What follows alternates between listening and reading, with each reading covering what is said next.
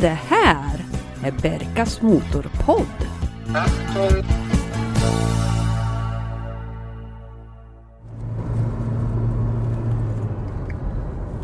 Hej och välkommen till Berkas Motorpodd och det tjugonde avsnittet i serien. Jag som pratar kallas för Berka. Det här är ju podden för dig som verkligen gillar att äga och köra bilar. Och som du hör så är jag ute och åker. Jag befinner mig just nu i Örebro och närmare bestämt i stadsdelen Almby. Och här har jag bestämt träff med en väldigt motorintresserad person. Han föddes in i en familj som också hade ett väldigt stort bilintresse. Och det var far och mor och storebror och ett garage fullt med maskiner och verktyg för egen tillverkning av diverse åkbara fordon. Det var allt ifrån lådbilar, traktorer, go-kartar och Formel 3-bilar.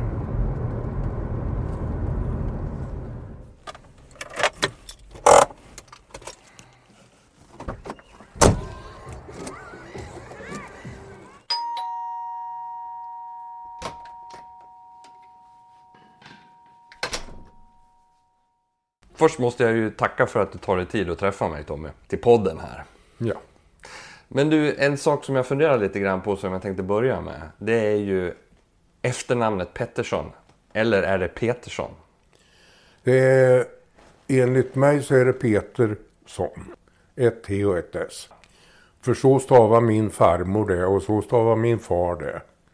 Men Skattemyndigheten har bestämt att jag ska stava, stava med ett T och två S. Så de stavar så. Så därför står det så på körkortet och i passet. Men jag stavar fortfarande med ett T och ett S.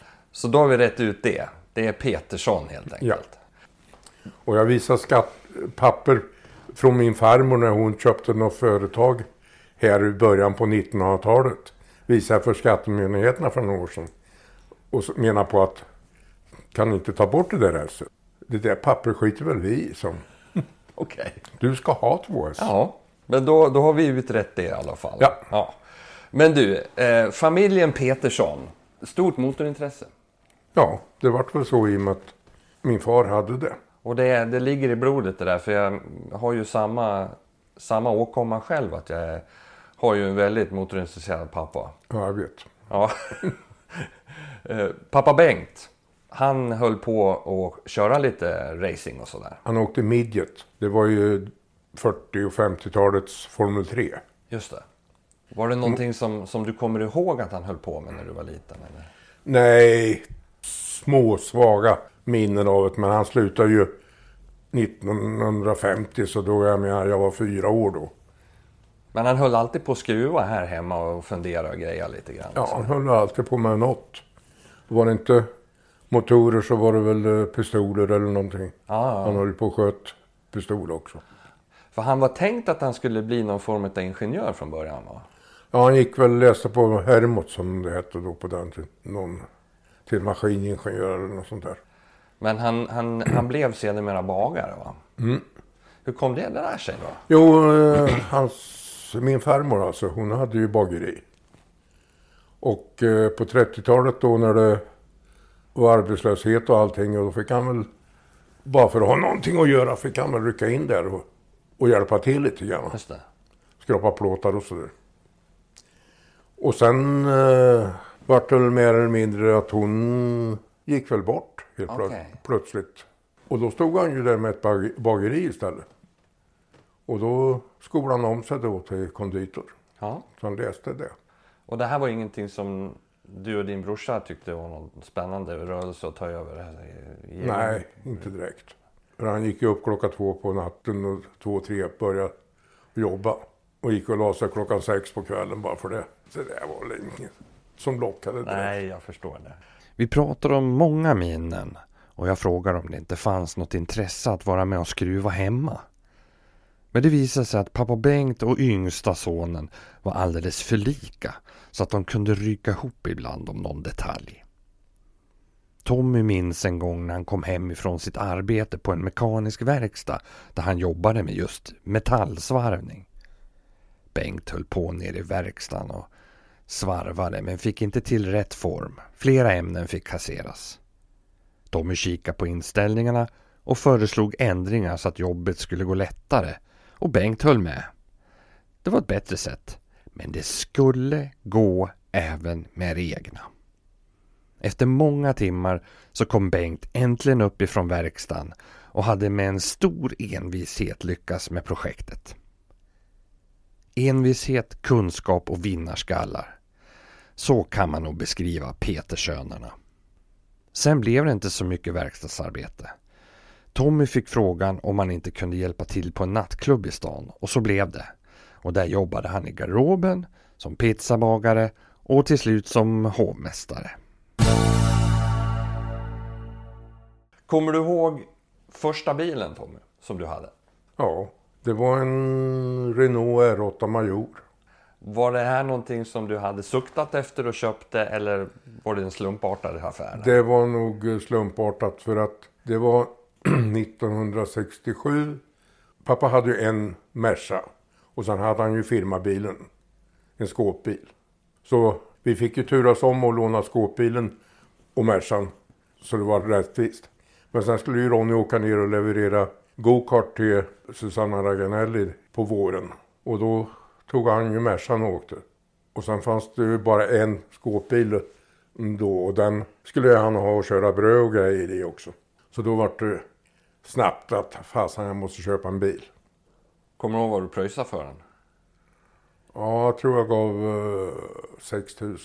Var det bra eller dåligt? Det, det var nog hyfsat bra för han hade bara gått uh, knappt 1000 mil. Ja, ja, okej. Okay. Och det här var 67 sa du? 67 ja. Så då körde ni fortfarande på vänstersidan där då? Jajamän. Vad tyckte du om högeromläggningen då?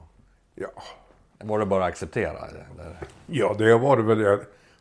Egentligen tyckte jag väl kanske var bra för vi, vi åkte ju väldigt mycket ner på Europa då. Och då var det högertrafik vid Ämnan.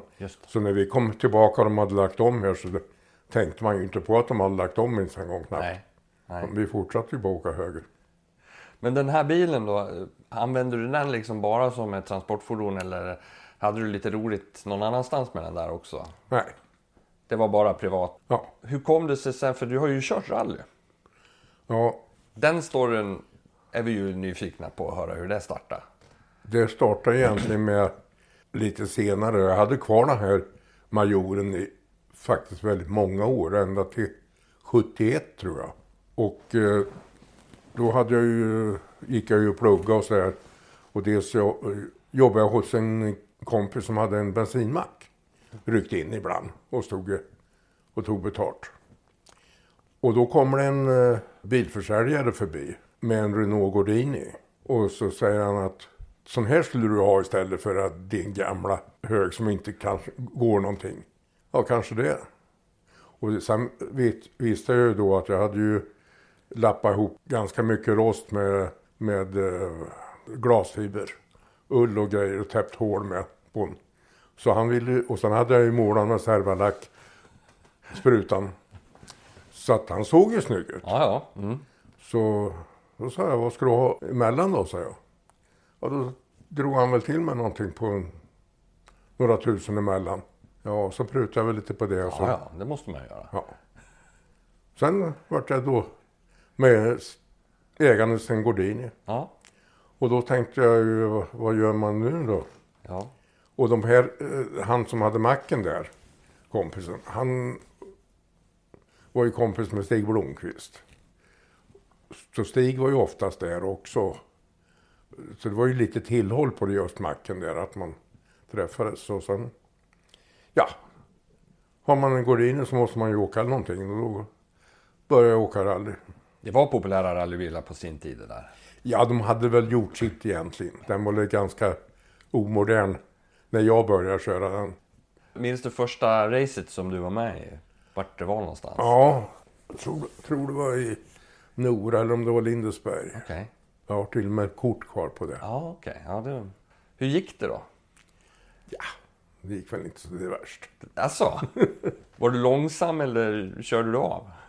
Nej, jag körde aldrig av. Då Nej. inte i alla fall. Nej. Men eh, sen var det väl sporadiskt. Jag körde väl några tävlingar då, 72 tror jag det var. Jag köpte den där. Och sen vart det väl ingen köra 73. Och sen 74 körde jag väl någon tävling. Och sen gick växellådan sönder. Jag vann väl först en tävling i Kristinehamn på, på vintern, i, jag tror i februari eller någonting. I Kristinehamn med en. Och sen skulle jag åka i Kopparberg tror jag det var. Och då flög jag väl över, då varnade de, varnade de i nedförsbacke att det skulle vara svallis. Så tänk på att hålla igen lite sa de då. Och då tänkte jag att om alla håller igen där då gäller det att hålla fullt istället. För att då tjänar man ju. Mm. Det gick väl in, lite väl, var lite väl stora svalliskar så att det slog väl igenom och det hoppade över snövallen. Den var ja, säkert en, en och en halv meter hög. Och den flög jag över. Och så slog det i någonting på andra sidan och flög tillbaka. Så han landade på vägen igen och då var det ju bara att spätta ner och, och dra vidare. Men sen gick det bara något, några par kilometer längre bort och började det gå trögt att växla.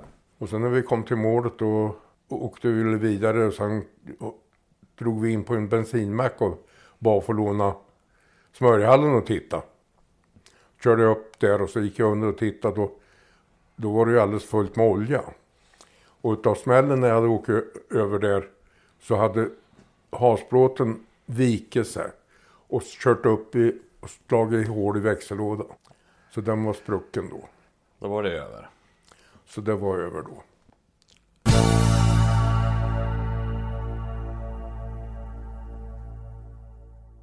Hur länge höll du på med det där då? Ja, jag åkte väl den 74 då och vann väl en tävling nere i Göten också.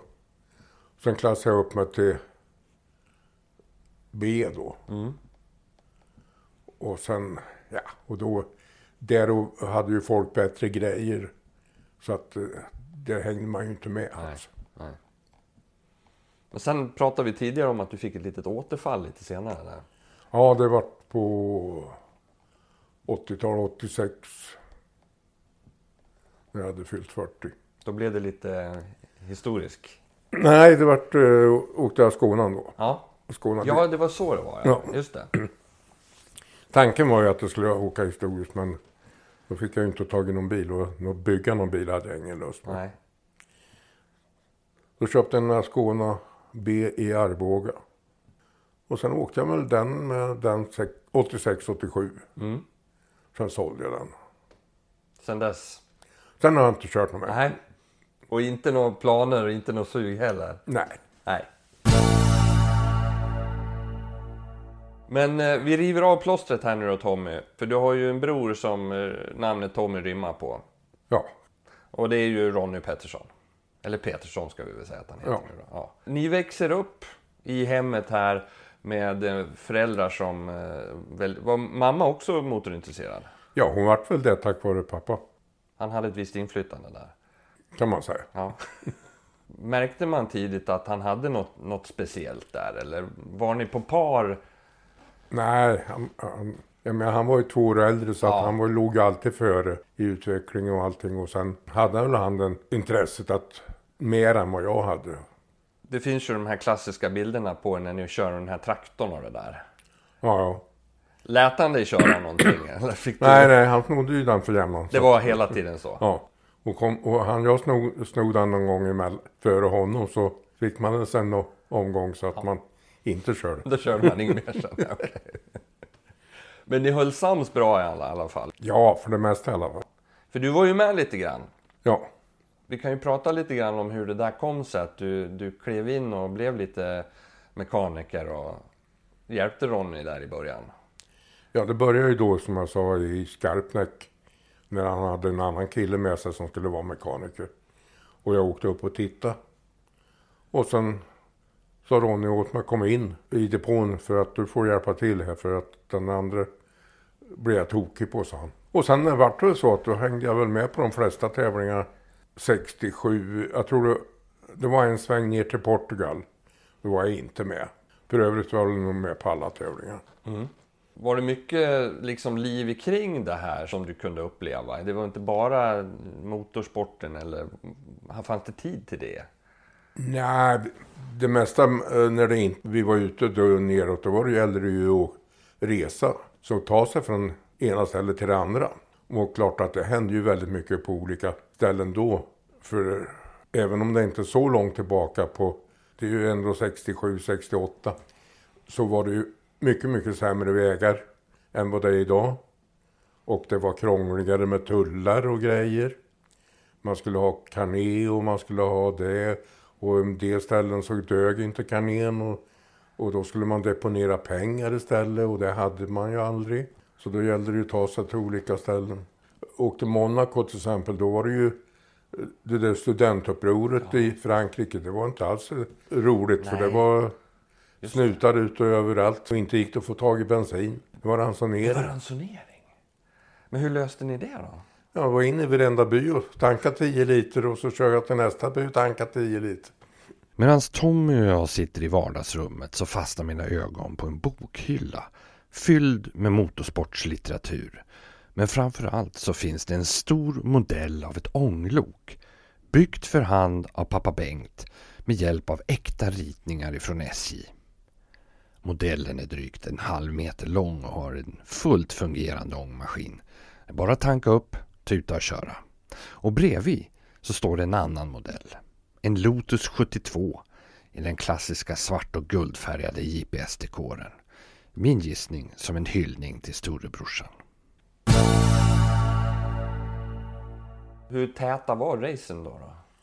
Ja, det var, ibland var det med en veckas mellanrum och ibland var det 14 dagar emellan. Och sen skulle vi ju hem till Sverige och åka SM-tävlingarna. Så då åkte man där nerifrån och hem och sen skulle man ner, ner igen. Men skötte han sig Ronny? Fick du någon lön och sådär då? Nej, det var ta ur egen kassa. Så man var ju hemma och jobbade emellanåt. Fanns det möjlighet till reservdelar eller hur löste ni, det? hur löste ni sådana saker? Det beror på vad som gick sönder. Ja.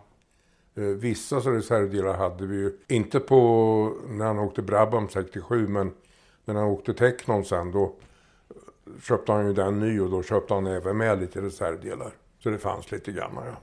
Och så kunde ni kanske låna lite grann utav? ja, jag vet ju nere i Anderstorp, invigningstävlingen där 68. Då pajade ju motorn. Och då fick, uh, hyrde han, Uffe Svensson hade en reservmotor. Så då hyrde eh, Ronny den till tävlingen. Men du var aldrig sugen själv att sätta dig i den där bilen då och köra? Sugen kanske man var någon gång men dels har jag ju lite, jag, lite längre och lite större än Ronny. Ah, ja. Och Ronny var ju största laget han. Så det var en sån fråga? Som man insåg väl att det var, ja visserligen kom jag väl ner i bilen men man satt väl inget bekvämt och sådär. Men du har provkört? Ja. ja. Det måste du berätta om. Hur, hur, hur är den upplevelsen då? Ja, jag har aldrig provkört åker fort runt banan eller något sånt där. Men jag har ju åkt en, i depån och lite sånt där. Och från målgång till exempel när de skulle åka någon aerovarv med någon kranskulla på någon bil. Då kanske man körde bilen tillbaka till depån. Ja, ja, men okay. det var ju inte att köra fort. Nej, nej. Hur, hur var inställningsmöjligheterna på sådana där bilar då? Ja, det var ju ganska enkelt. Vi hade eh, stötdämpare, det fanns tre hack. Mjukt, medium, hårt. Och sen hade man krängningshämmare. That's it. Ja. ja, sen lufttryck naturligtvis höll man kanske på och experimentera lite grann med också. Men... Var det här körstilen med lite, lite ställ och sådär, kom det där ifrån? Eh, ja, från kom det från gokarttiden. Det är så ja. ja. ja. För de pratar ju om fortfarande liksom att han kunde åka på ställ med, med Formel 1-bilarna när man egentligen normalt sett inte skulle sitta och köra på det viset. Ja, han var väl den som åkte eh, på Silverstone genom den här Woodcock, eller vad hette han? Det var han som var den första som höll fullt igenom. Och då gick det med lite ställ. Och det fanns ju någon reporter som sa, se det, Ronny genom Woodcock var värt entrén flera gånger om. Men du fick ju åka med Ronny några gånger och framförallt, jag, jag, jag vet ju att jag hörde talas om den där svängen inför eh, journalister när han skulle åka någon Ja, det var på eh, Silverstone 73. Och då kliver de ur, inte lika kaxiga som de klev in i den där bilen. Nej, de, den ena var lite blekare än den andra och sådär. Vad var det som hände under, under det där varvet? ja, han skrämde dem lite grann. när de gick ut ur en sväng, då var det liksom en, en grop i, i banan. Och då lätta, de åkte eh, med en Lotus Elan då. Så då lätta den lite grann och, och förflyttade sig ungefär två meter ut i, i sidled innan det fick fäste igen. Och där var det där de flesta Det var, de vart inte, bleka. det var de inte med på riktigt. Nej, och han sa ju ingenting. Och sen så tyckte de att du hade stått där och garvat lite grann åt dem då. Ja, men eh, då var det någon som sa att vi ser om du är så kaxig efteråt också. Så då fick jag hoppa in och så sa jag väl det att nu får du väl stå på då så att för de vill se att jag blir rädd också. Nej, det ska de inte få njuta av, sa han.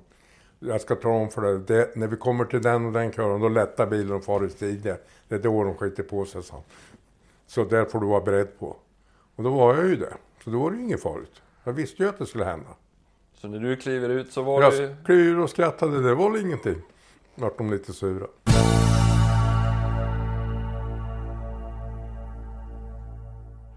Har du haft några roliga bilar då som liksom har närt motorintresset eller har ditt motorintresset varit mera, ska vi säga, på läktaren och, och, och beskådat motorsporten? Ja, det har det väl varit. Men en och annan rolig bil har man väl haft också. Favoritmärke? Det mesta jag har ägt bilar av ett fabrikat så är det BMW. Hur kommer det sig då? Jag vet inte. Det. Jag åkte Saab egentligen från början där. Och så var jag ner till Karlstad och gick in på BMW för, de, för att det var någon resande som hade sagt att eh, de har en häftig BMW där inne. Måste du titta på. Så var jag ner till Karlstad i ett annat ärende. Då tänkte jag, jag får lov gå in och titta på den där. Och eh, det var en eh, 535 med M-paket då. Och den såg ju jättehäftig ut. Det var ju en 3,5 liters sexa i alla fall. Så jag stod jag där och beundrade den och så kommer han som ägde det, han hette Bernt Arvidsson, som hade BMW i Karlstad på den tiden. Så han, det här, det här skulle du ha. Ja, där han säga den skulle inte vara dumt. Och eh, då hade jag köpt en Saab direkt ifrån, ifrån Nyköping, från tävlingsavdelningen då som jag kände. Så det hade gjort ett bra pris på den. Och då sa jag det att, eh, ja vad, ska du ha emellan då? Titta lite på, eh, vilken är din? Ja, den där som står där ute. Ja, men den ser ju fin ut, sa han då. Och den var ju fin. Och en Saab 900 turbo. Ja, jag vill ha 140 000 emellan. Nej, sa jag, det går inte alls med på. Ja, vad vill du ge då, sa han. Ja, säg 100 då, sa jag. Nej, men du är inte riktig. Nej, men det tyckte jag inte du heller var, sa jag. Och då skarvade han och så sa han, då möts vi halvvägs, sa han. Jaha. Och slängde fram näven. Och jag tog den. Och då räknade jag ut att då fick jag ungefär 20 000 mer för Saaben än jag hade gett. Och sen vart ju han ledsen efteråt för han trodde att det var en 16 ventilare men det var det ju inte. Det var en vanlig 8. Så han kände sig lite lurad. Ja, ja, ja. Men det är ju upp till honom. Han kunde ju ha gått ut och tittat på Ja. den. Så då blev det BMW. Då vart det en BMW. Var det första det? Det var den första BMWn. Och den eh, parkerade ni på Landvetter och åkte till Grekland på semester. Och när jag kom tillbaka till Landvetter på parkeringen där, som där är inhägnad, skyddad, så stod han på, på några stenklumpar. Inga hjul, ingen säten i, inga ratt. Redan då började de att plocka BMW-bilar alltså? Ja. Det, men det roliga var ju att före innan jag åkte till Grekland så hade jag beställt en ny BMW. Så hade ju redan bytt in den här. Hur fick du den därifrån då? Ja, det fick ju de hämta. Ja, ja. Jag tog ju en hyrbil. Sen åkte jag och hämtade min nya BMW. ja. Vi går ner för den branta källartrappan som tar oss ner till några rum inredda som verkstad. Och där visar Tommy ännu ett ånglok som pappan har byggt men inte han färdigställa. Jag planerar att bygga klart det men eh, sen insåg jag att jag inte är dugg intresserad av tåg. Det är ju motorer jag vill hålla på med, berättar Tommy. Han drar av en skyddsduk och där under så finns det en liten V8-motor i miniatyr. Den har han själv konstruerat och byggt i aluminium. Blocket har kolvar med uttag för ventilerna och även toppar med fyrventilsteknik finns. Det blev problem med hållbarheten berättar Tommy och ventilerna glappar i sätena så jag har beställt bättre fräsningar men det tar tid. Den kommer att bestyckas med förgasare och utblås, ett för varje cylinder och en testbänk är redan klar för provkörning. Kylarna kommer ifrån en Volkswagen och bränslepumpen från en Peugeot och det passar bra för den här lilla V8 på 100 kubik. Vi tar och lyssnar, det är bra klös igen.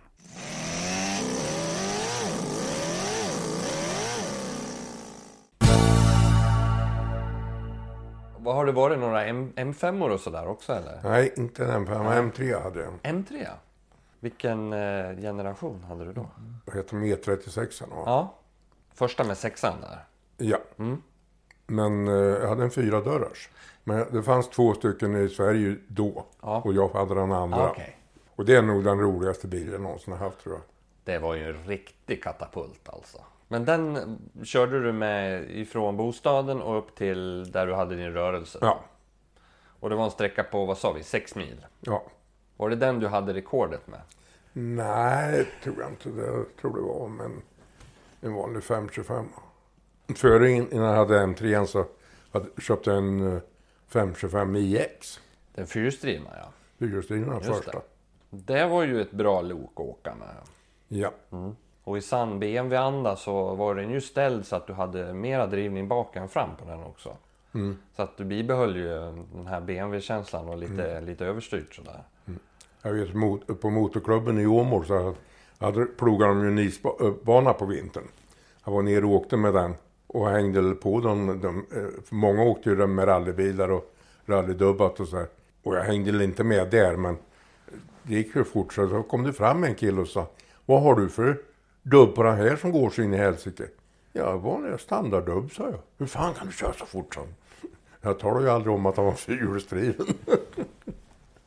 Fick man ju hålla ett masken. Ja, ja, ja, visst. För det gick ju att åka lite fortare med ett. Det blir alltid lite bökigt när man ska bromsa, för det är oftast li- lika halt om inte halare. Det är lika hårt när du ska bromsa. Ja. Örebro här har ju genererat mycket förare. Är det något speciellt i kring trakterna här tror du som... Ja, jag har funderat många gånger på det också. För jag menar, det var ju redan på 50-talet när de åkte midget. Sven Bergväg fortsatte ju åka midget och han åkte ju ihop med pappa först. Och sen var det ju andra som tog, eh, åkte också i Örebro. Bjarne Pettersson och ja, jag kommer inte ihåg vad alla hette. Men det var ju många som åkte. Och sen var det ju uh, Formel Junior. Och, då började, och det var ju många örebroare som åkte där. Lasse Bjur och, och Wallén och ytterligare ett antal. Och sen gick det över till Formel 3. Och då hade vi ju Ronny som åkte då och sen Gustav Diden var ju duktig att åka också. Och sen har ju kommit efteråt Rickard Göransson, Marcus, Fredrik Ekblom. Just det. Så det är, jag vet inte varför, men det är tydligt att någonting gjort om det att några har börjat och att på det viset finns intresset.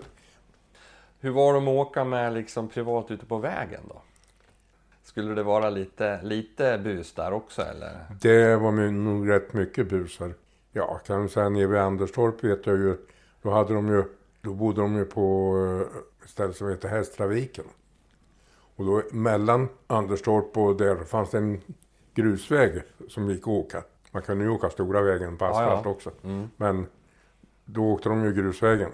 De eh, hade ju tävling mellan eh, Ronny Chapman och, och allihopa då.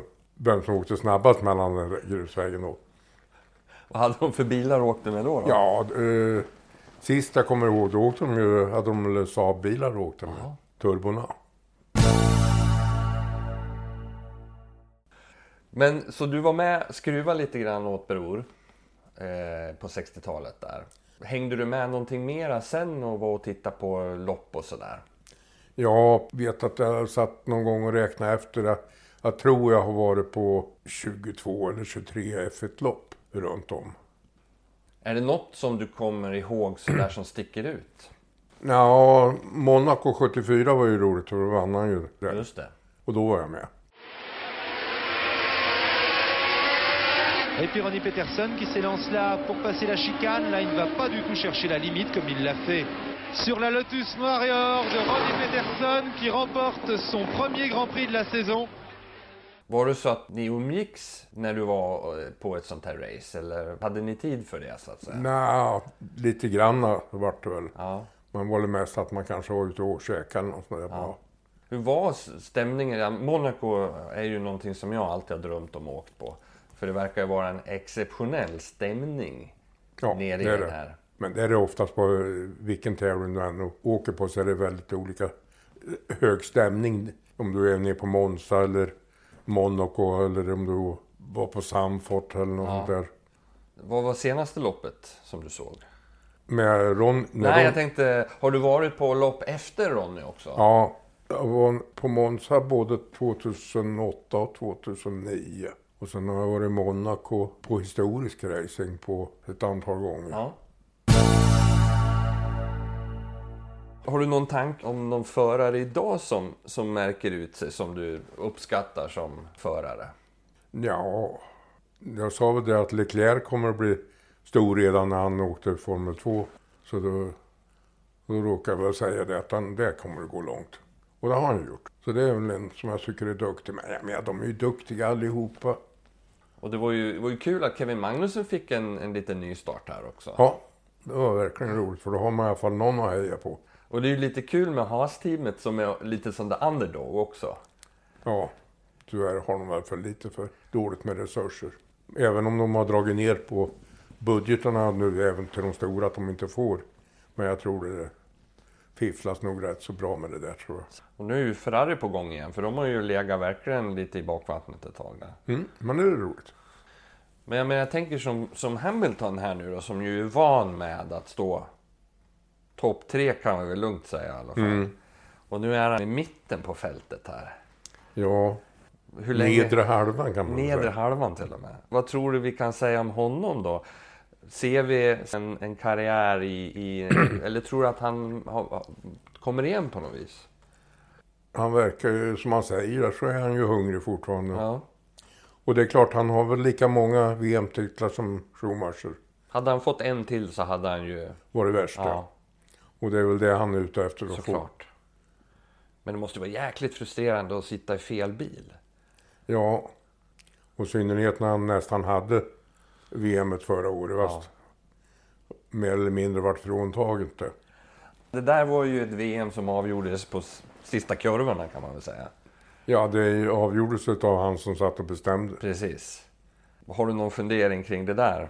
Jag tycker väl att det var väldigt konstigt i alla fall, kan jag väl uttalat.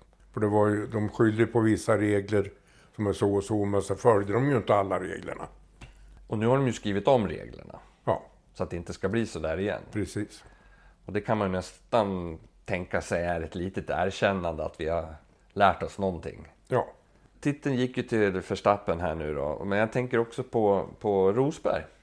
Han tog ju sitt VM-guld och sen så han nöjd, ja. ja. ja han ville väl inte överglänsa sin far. Du tror att det är så?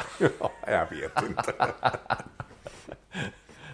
Nej men det är lite förvånande för han var inte alls sugen att försvara titeln utan han var nöjd och så var det bra. Han var nöjd, ja. Det är ju ändå stora risker man utsätter sig för.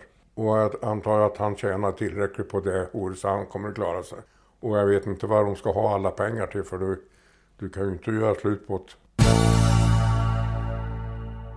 För någon som var lite bra på att beräkna allting sånt där, har jag förstått, det får du rätta mig om jag har fel. Det var ju Lauda. Han hade ju tidigt ett säkerhetstänk och profilerade sig ju väldigt mycket för, att, för säkerheten på banorna och sådär. Och ap- apropå det där med att ta risker, för att han, han var ju också med om en, en, en ordentlig olycka då, 76. Oh ja. Det satte väl prägel på hans liv efteråt också. Och, det, och han dog väl i sviterna av det egentligen också. Är det någon annan sån här förare som du... Har du någon kontakt med någon förare idag? Nej, Har du någon kontakt med branschen och sporten och sådär? nej. Det finns ju så få kvar. Jo, Jag har väl kontakt med några gamla förare. Och så här, Torsten Palm har jag väl kontakt med. och Gustav Diden har jag kontakt med. Och det är ju svenska åkare, men de utländska har jag ingen kontakt med. Men var det några som, som ni lärde känna redan då, de här åren när ni var nere och åkte i Europa då? Som också liksom följde med upp och började köra Formel 1? Ja, det var ju många. Du hade ju Sever var ju med. Reine hade du ju också. Han gick ju bort för nu i år.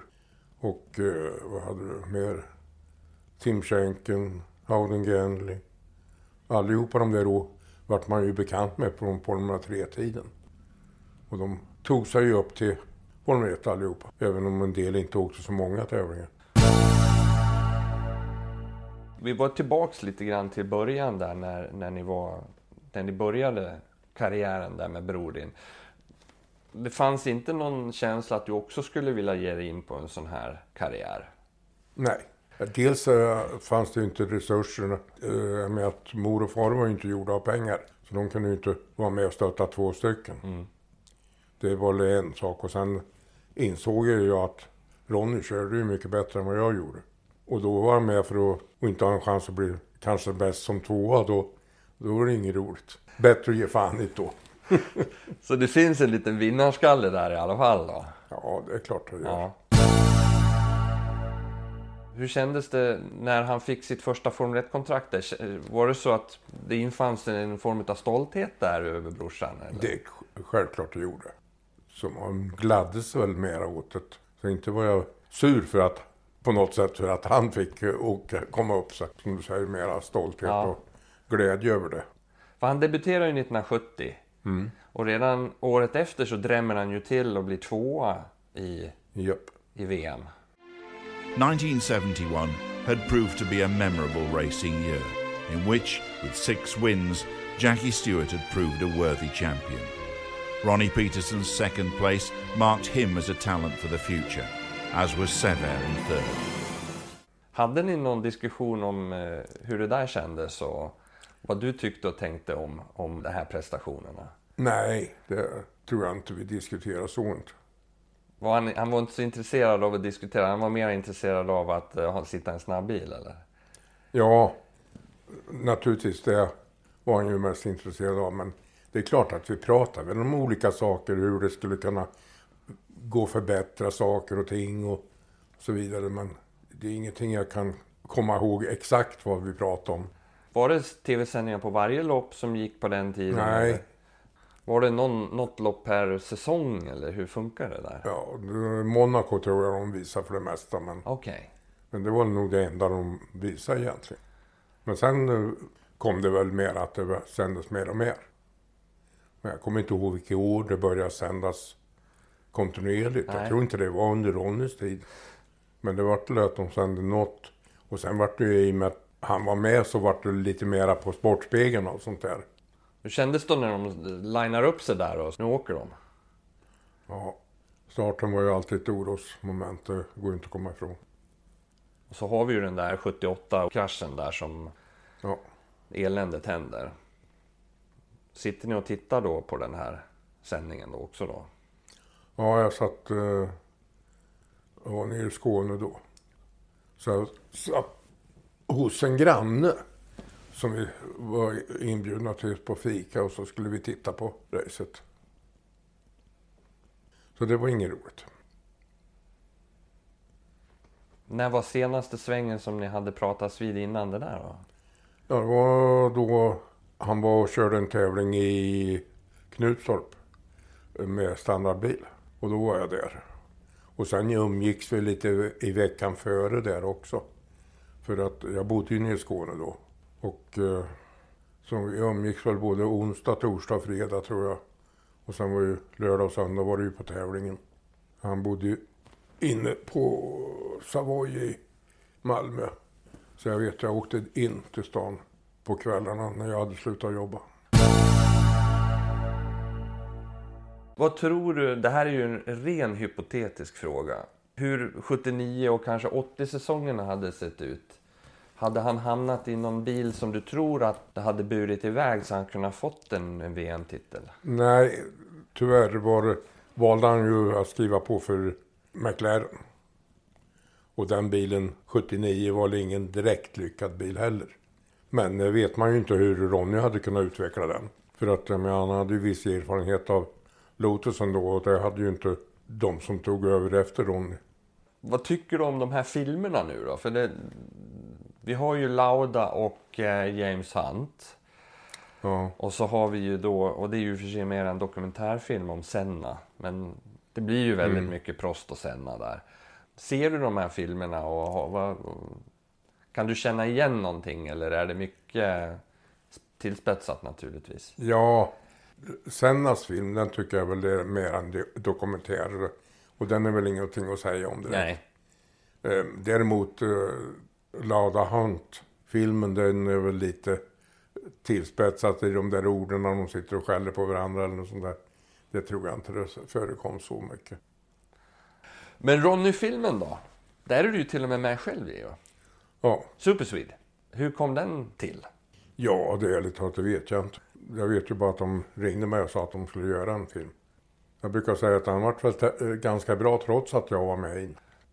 Hörru du Tommy, det var fantastiskt roligt att sitta och surra lite grann. Ja, vi kunde ha suttit länge. Det tror jag. Det tror jag. Så är det das ist der Sieg für Ronny Peterson im 12. Weltmeisterschaftslauf des Jahres. Ronny Peterson auf Lotus gewinnt den Grand Prix von Österreich in Zeltweg. Och där hörde vi Ronny Peterssons seger i Österrike 1978. Och det var allt vad vi hade att bjuda för idag i Berkas Motorpodd. Stort tack till Tommy Petersson för att han tog sig tid att prata lite med mig om gamla och nya minnen. Tusen tack för att du har lyssnat och kom ihåg, kör så du trivs.